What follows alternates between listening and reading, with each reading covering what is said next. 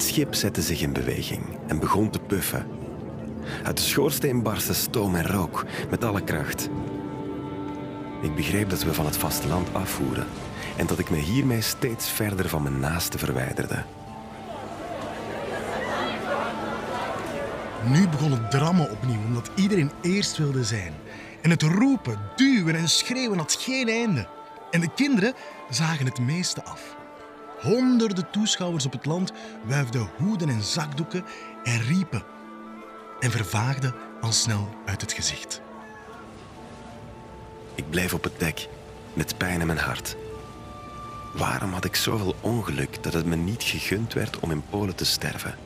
Het land waarvan ik meer hield dan van mijn eigen leven. Ik moest toegeven dat ik op dat moment heel nostalgisch werd. En toen ik dacht aan mijn geliefde thuis, vulden mijn ogen zich met oncontroleerbare tranen. Wist ik of ik hen ooit zou terugzien?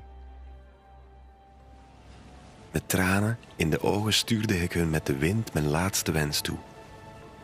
Dat ze gelukkiger zouden zijn dan ik op dat schip dat me naar het onbekende Amerika moest brengen. En wat stond me daar nog te wachten?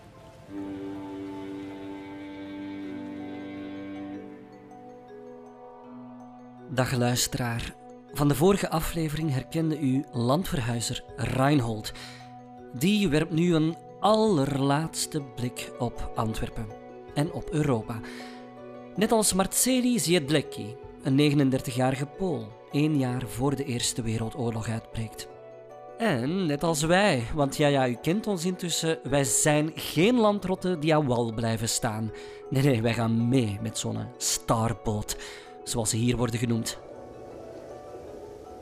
Voor onze ogen verdwijnt de Rijnkaai uit het gezicht met haar 25 kroegen in 24 huizen. Samen met al die zwaaiende mensen. Tussen de jaren 1860 en 1914 verruilden maar liefst 37 miljoen migranten hun Europese verleden voor een Amerikaanse toekomst. Deze trilogie maken we in samenwerking met het fascinerende Red Star Line Museum en met Studio 100, naar aanleiding van hun gelijknamige spektakelmusical.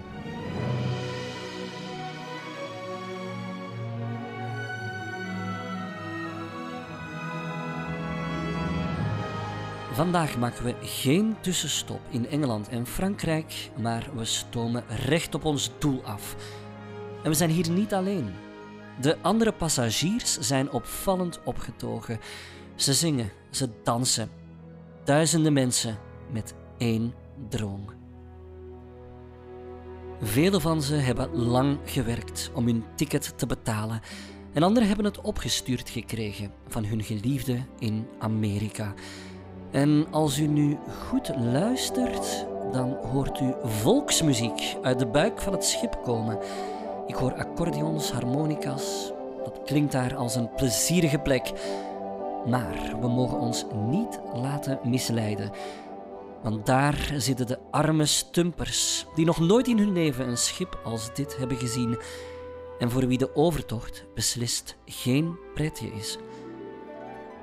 Een oceaanstomer als deze is de wereld in het klein, een microcosmos, met dezelfde verschillen tussen steenrijk, eerste klasse, en straatarm, derde klasse.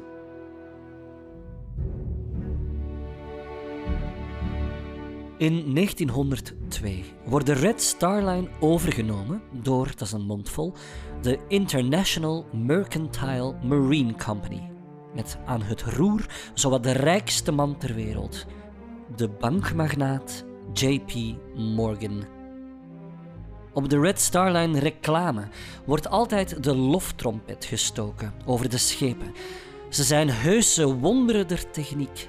En inderdaad, ze stellen me niet teleur. In haar bestaan heeft deze rederij 23 schepen gehad. En soms, als de vraag hoog was, dan charterden ze er ook van anderen. Allemaal hadden ze een witte vlag met een rode ster erop, een herkenbaar merk dus, ook voor de ongeletterde mensen. En hun namen eindigden allemaal op land. Het begon met de Vaderland. Die werd in 1873 te water gelaten en die voer op Philadelphia, zo'n drie weken varen. Haar opvolger uit 1900, de Vaderland II, was het enige schip dat gekelderd werd door een Duitse torpedo tijdens de Eerste Wereldoorlog. En we tellen nog meer landen: de Friesland, de Nederland, de Zeeland, de Finland, de Kroonland, de Gotland, de Lapland, de Westernland enzovoort. Maar in de jaren 20 is het vlaggenschip van de vloot, het neusje van de zalm, legendarisch op elk vlak, het negende grootste schip ter wereld. 204 meter lang, met plaats voor bijna 3000 passagiers. Wat zeg ik met de bemanning erbij? 4000 zielen. Eigenlijk zo'n beetje de Belgische Titanic. Met drie schoorstenen, waarvan eentje gewoon voor de show. De Belgeland. Het tweede schip eigenlijk met die naam, opgeleverd in 1923. Na bijna tien jaar bouwen bij Harland Wolff in Belfast. Dat is dezelfde scheepswerf als dat wereldberoemde schip van zustermaatschappij White Star Line, de Titanic. De Titanic die is in 1912, jammer genoeg, excuus voor de spoiler indien u de gelijknamige film nog wilde zien, gezonken. Het was trouwens een schip van de Red Star Line, de Lapland, dat de overlevende bemanningsleden heeft teruggebracht naar Engeland. Het is sinds de ramp met de Titanic dat dit soort schepen groter, veiliger en vlugger zijn en dat ze voor iedereen een plaats in de reddingssloep hebben. U hoeft niet bang te zijn vandaag. Maar goed, waar is dat feestje? Intussen dalen we de trappen af, want die muziek dat klinkt wel leuk. We gaan polshoogte nemen bij de mensen in derde klasse. Ook wel de tussendekpassagiers genoemd. Ze zitten namelijk op het tussendek. Dat ligt onder het hoofddek, vlak boven de vracht. Beeld u in, in de begindagen van de rederij slaapt u als derde klasser in een hard houten stapelbed op een matras van stro in een gemeenschappelijke slaapkamer. En in diezelfde kamer eet u met alle anderen aan lange tafels. En ja, eetgerei heeft u hopelijk zelf meegenomen. Anders is het met de handen. U kunt zich niet wassen. En bent u Joods? Dan hopen we dat u kosher eten heeft meegebracht. Het menu is hier hoe dan ook niet bepaald appetijtelijk. En er ligt hier een Joods meisje van acht jaar. Ze heet Golda en ze is met haar familie gevlucht uit Oekraïne. Het was geen plezierreisje. We brachten de nachten door op van die stapelbedden zonder lakens en we spendeerden een groot deel van de dag aanschuivend om eten dat ons werd toebedeeld alsof we vee waren.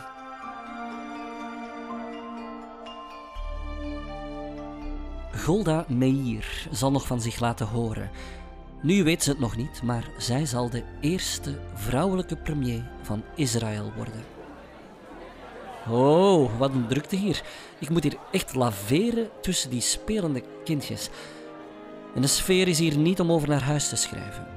Chockvol, snikheet, slecht verlicht en nauwelijks verlucht, stinkend en vuil. Tien dagen reizen deze derde klassers in weinig benijdenswaardige omstandigheden. Ik zie passagiers die hun tijd doden met een potje kaarten. Het schip deint maar een beetje en toch lijkt hier iedereen zeeziek. En ginder hangt een aantal passagiers over de reling in een rij hun maaginhoud uit te storten in de oceaan. Nog anderen die liggen hier gewoon op de grond en de rest die ligt uitgeteld in de slaapzaal. Jan Zjura is 16 jaar. Zowel de onderste bedden als die van de middelste en bovenste begonnen te braken. De hele zaal veranderde in één grote plas waaruit een zware stank opsteeg. Van die verstikkende lucht werden zelfs gezonde mensen duizelig. En toch laten de meeste passagiers zich niets gelegen liggen aan het gebrek aan faciliteiten. Eén gedachte houdt hen immers recht. Ze leren al wat Engelse woordjes en ze doen een beetje Amerikaans tegen elkaar, Want zij gaan naar het Eldorado, waar iedereen een kans krijgt om zijn leven te verbeteren. Misschien zelfs rijk te worden. In New York staan buildings zo hoog dat ze aan de wolken krabben. Was het in derde klasse nu echt zo erg als de pers soms schreef? Migranten met honger die als vee werden vervoerd. Wel, dat hangt een beetje van de tijdlijn af. De Red Star Line schepen die voeren tussen 1873 en 1935 en op den duur moest de maatschappij wel degelijk aan haar reputatie denken en aan de concurrentie en aan de gezondheid van de passagiers, want die werden anders op kosten van de rederij teruggestuurd. Daarom schonk ze geleidelijk aan meer aandacht aan comfort. Zo kreeg de Belgeland 1 een modern verluchtingssysteem eind 19e eeuw. Begin 20e werd het nog iets beter. Twee- en vierpersoonskajuiten, gemeenschappelijke douches, van die gloednieuwe toiletten die doorspoelen met lopend water en aparte eet- en ontspanningszalen.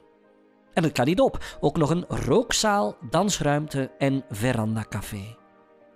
En wat stond er op het menu? Een ontbijt van wit brood met boter en confituur, koffie en havermeel. Als middagmaal patatjes met worst en groenten en s'avonds gepikkelde haring, aardappelen, bruin brood en thee. Voor Joodse mensen kwam er dan toch een koosjere keuken. Maar vele derdeklassers bleven honger lijden. Eliezer Meinwald is zes jaar wanneer hij in 1920 met zijn gezin naar New York trekt. Het eten was zo slecht dat mijn vader en ik steeds naar de hogere klassen slopen. Die waren gebarricadeerd, je mocht er niet in, maar we gingen er stiekem toch heen en we vonden de vuilnisbakken. De zeemannen die visten er soms stukken uit voor de meeuwen en wij stalen stukjes vlees. Ook al waren we kosher, we hadden zo'n honger dat we eender wat we konden redden uit die vuilnisbak meenamen. Ik herinner me nog dat mensen uit de tweede klasse stukjes suiker naar ons gooiden en dat iedereen op het lagere dek erom vocht. En één keer moesten we allemaal in de rij gaan staan en kregen we een banaan. Maar ik had nog nooit een banaan gezien, dus toen ik die wilde opeten, beet ik in de schil en al. Tot men mij vertelde dat je een banaan eigenlijk moet pellen.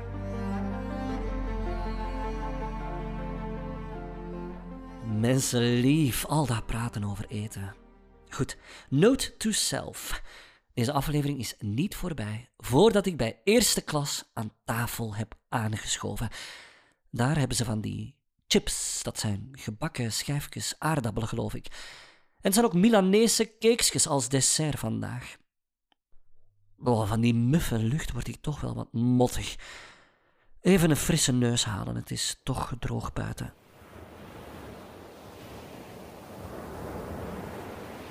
Ah, als een podcast nu eens met geur kwam, hè? de zeelucht. Hier op de boeg van het schip mogen derde klassers de benen strekken. En eh, kijk eens naar boven. Daar lopen ze, de passagiers tweede klasse. En daarboven flaneert de echte beaumonde eerste klasse. Het is hier een verhaal van upstairs downstairs. En er is een streng verbod op contact tussen de klassen. En als dit nu een Hollywood blockbuster of een spektakelmusical was, dan moesten we dit nu stiekem doen als een avontuur, terwijl we gevaar lopen om opgepakt te worden. Maar dit is een podcast en al die regels gelden hier niet, zeker niet voor de verteller. Terwijl we samen de trap oplopen richting tweede klasse, geef ik u toch even de cijfers. Wat moet dat allemaal kosten? Vraagt u zich wellicht af. Het antwoord daarop hangt uiteraard af van wanneer je het vraagt. Een eenvoudige kajuit was in 1928 verkrijgbaar vanaf 1750 dollar. Voor 30.000 dollar kon je vier maanden in een suite verblijven. Om u een idee te geven, in datzelfde jaar 28 behoor ik als leraar tot de lagere middenklasse met een jaarinkomen van 1400 dollar. Ja, dat is nog even sparen dus. En hoeveel passagiers zitten er nu eigenlijk op zo'n oceaanreus? De Belgeland, de trots van de Red Star Line, die heeft plaats voor 2000 derdeklassers. Op het bovenste dek, het verst verwijderd van de landverhuizers, ja, daar zitten de toeristen van eerste klasse, rijke Amerikanen die Europa een beetje willen verkennen of omgekeerd. Die zijn met 600 ongeveer. En daartussen dan de mensen op dit dek, een 350-tal tweede klassers. Zij zijn de kleinste groep, maar ook zij laten van zich horen. Ze zijn de migranten die zich een duurder ticket kunnen veroorloven, of de toeristen voor wie eerste klasse gewoon te duur is. Hoe dan ook hebben ze het beter dan de derde klassers. Ze hebben hier al aparte tafeltjes in het dinersalon en zelfs een bibliotheek. In de vorige aflevering maakten we kennis met een zesjarig meisje, Irene Bobbelijn. Haar ouders wonen in Amerika en die hebben gespaard om hun dochtertje te laten overkomen. In Antwerpen is ze uitgezwaaid door haar oma. En nu loopt ze ook hier rond, in tweede klasse. Het liefste waar we allemaal naar keken, dat was wanneer de koks eten over de relingen gooiden. Bakken kippen. En dan was er vliegvis. Die vissen die sprongen echt uit het water en die sprongen altijd een hele eind om dat voedsel te pakken. Wij mochten overal komen. Wij mochten op het grote dek lopen en al. Maar degenen die in het ruim zaten, die mochten er niet uitkomen. Die zaten zogezegd opgesloten, want ze durfden niet naar boven komen.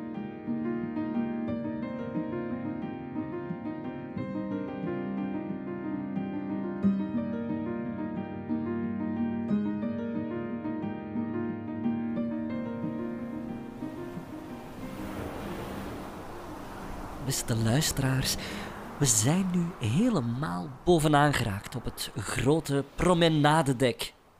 Hier liggen de rijkaards in zo'n lage stoel een uiltje te knappen of ze staren naar de oneindige zee.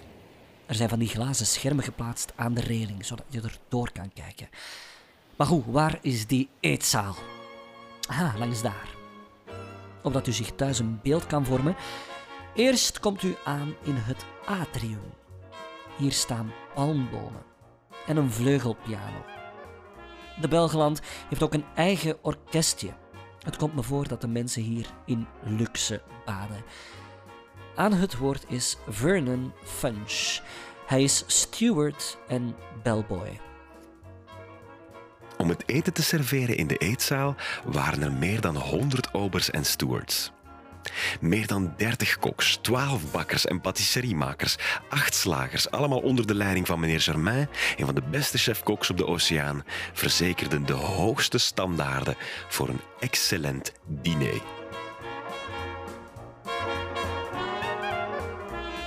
En dat excellent diner wordt op dit eigenste moment voorgeschoteld. In de dinerruimte. En het is een copieus feestmaal, want het is de laatste avond. Het zit hier vol eerste klassers die hun innerlijke mens zitten te versterken. En ik val niet op, want ik heb dan ook een stropdas omgedaan. Iedereen hier heeft een eigen kajuit. En straks, als het eten wat gezakt is, kunnen ze een plonsje wagen in het zwembad, terwijl hun eerste klas kindjes in de speeltuin zitten. Ze kunnen zich ook gaan vergapen aan de sterrenhemel, of gewoon wat roken en babbelen in de salons, of gaan dansen in de balzaal. Kijk eens, daar aan die tafel, herkent u hem? Met zijn wilde haar en dat verfrommeld pak. Tip, natuurkundig genie.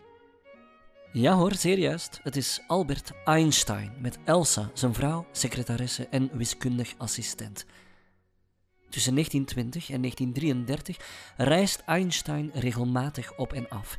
Hij is dan al een vedette en wordt vaak uitgenodigd om wetenschappelijke lezingen te geven. Dat schijnt een heel vriendelijk, bescheiden koppel. Drie maal reizen ze met de Red Star Line. Dat doen ze tweemaal met de Belgeland en een derde laatste maal met de Westernland. Einstein is een Jood en in 1933 wordt de Duitse grond hem te warm onder de voeten. Na doodsbedreigingen van nazi's en een aanbod van de Universiteit van Princeton voelt hij aan zijn kleine teen dat hij definitief moet verhuizen. Hij levert zijn paspoort in op het Duitse consulaat in Brussel en ziet af van zijn Duitse nationaliteit. De derde en laatste maal reizen ze als Joodse vluchtelingen met de Westerland. En dat doen ze in tourist class in plaats van in eerste klasse om hun solidariteit met alle Joodse vluchtelingen uit te drukken. Op briefpapier van de Red Star Line schrijft hij zijn ontslagbrief aan de Pruisische Academie voor de Wetenschappen.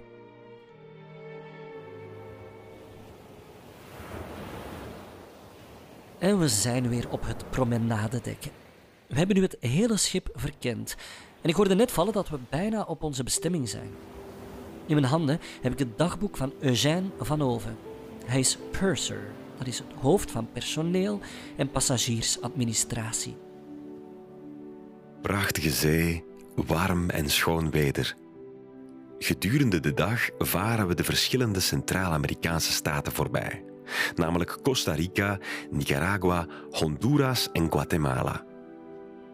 De verschillende kampioenschappen voor dektennis, shuffleboard, tonwerpen, tafeltennis, schijfwerpen, kaartspelen enzovoort worden door de passagiers aangevat. U hoort het goed, de Red Star Line verzorgde dus niet alleen de transatlantische overzet. Voordat we arriveren in New York, nog vlug een beetje historiek. Daar luistert u toch voor, hè, tenslotte. Tijdens de Eerste Wereldoorlog wordt de Belgeland 1 ingezet om troepen te transporteren. Na de Grote Oorlog rommelt het nog na in Rusland, dus kandidaat landverhuizers bij de vleet. Begin jaren 20 vinden de Verenigde Staten het intussen welletjes met die ongelimiteerde inwijking uit Europa. En ze voeren immigratiequota in. En dat is een groot probleem voor de landverhuizers, maar ook voor de rederijen. Die moeten een frisse wind laten waaien. De Red Star Line besluit om nog meer de toeristische kaart te trekken. Er komt een toeristenklasse, u hoorde het er net al bij Einstein, voor mensen met een beperkt budget. Tussen 1920 en 1933 worden de Verenigde Staten drooggelegd, zo wordt het genoemd, met een alcoholverbod. Misschien onvoorstelbaar voor ons, maar 13 jaar lang was alcohol consumeren verboden. Maar ze vonden er altijd wel iets op. En de Red Star Line die springt ook in dat gat in de markt met booze cruises richting de Bermuda-driehoek. Daarop kunnen Amerikanen zich een stuk in de kraag zuipen. En spectaculair zijn de wereldcruises voor rijke Amerikanen en beroemdheden met als motto: Don't stay at home in the winter, come with us to the sun. De Belgeland zal zo maar liefst zeven van die cruises ondernemen. Tuning is not a crime en de ruwe oceaanstomers ondergaan een grondige metamorfose. Ze worden omgetoverd tot fancy ministeden, drijvende adellijke hotels met nog meer glitter en glamour. Films, concerten, dansavonden, duikwedstrijden, gokspelen, noem maar op. Opwarmen aan de open haard? Check. Denkt u maar iets geks en de Belgeland heeft het wel. Wat blieft? Kleiduif schieten, zegt u? Check. Een strand? Het zand van de Belgische kust? Dubbelcheck.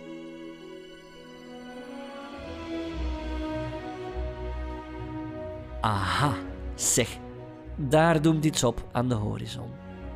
Ja, dat kan niet anders dan het vrijheid. En nu horen we rumoer en gestommel uit de cargo-ruimte komen. De derde klassers komen massaal naar buiten. Nou, kijk eens, eh, daar zie ik Elieza, die kleine die we daar straks nog in de vuilnisbakken zagen vissen. Mijn vader en ik werden het dek op. En daar waren mensen van allerlei slag. Sommigen op hun knieën, een kruisteken makend, joden met hun gebedsjaals. Terwijl wij het vrijheidsbeeld passeerden. Het was de eerste keer dat ik het zag. Het was geweldig. Ik wist niet wat het betekende. Maar we bleven op dat dek en iedereen was opgewonden en iedereen was gelukkig en iedereen was droevig. Dat is een tafereel dat ik nooit meer ga vergeten. Joelende mannen steken hun hoed in de lucht. en wildvreemden omhelzen elkander. De ongemakken van tien dagen derde klasse zijn al vergeten door een euforisch groepsgevoel. We hebben het gehaald. Maar we zijn er nog niet. De oversteek was al bij al een ontspannen deel. Na deze cocktail van emoties is het moment van de waarheid aangebroken. Want naast dat vrijheid speelt, ligt ook de mythische toegangspoort tot het land van melk en honing. Alice Island, met voor de derde klassers de gevreesde medische controle. En dat is voor volgende keer. Beste luisteraar, ik reis niet zo graag alleen, maar gelukkig heeft u meegereisd vandaag.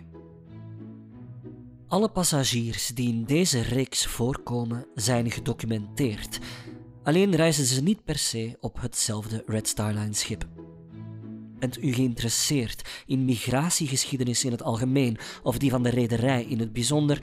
Breng dan vooral een bezoek aan het Antwerpse Red Star Line Museum. En als u nog geen ticket heeft voor de gelijknamige spektakelmusical van Studio 100, doe dat dan maar, want straks zit die boot vol.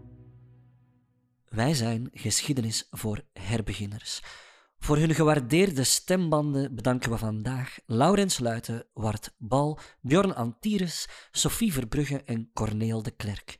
Deze aflevering werd meegeschreven door Benjamin Gooivaerts en Laurent Pochet, gemonteerd door Filip Fekemans en ingesproken door mezelf, Jonas Goosenaerts. U vindt ons ook op Facebook en Instagram en graag tot de volgende keer.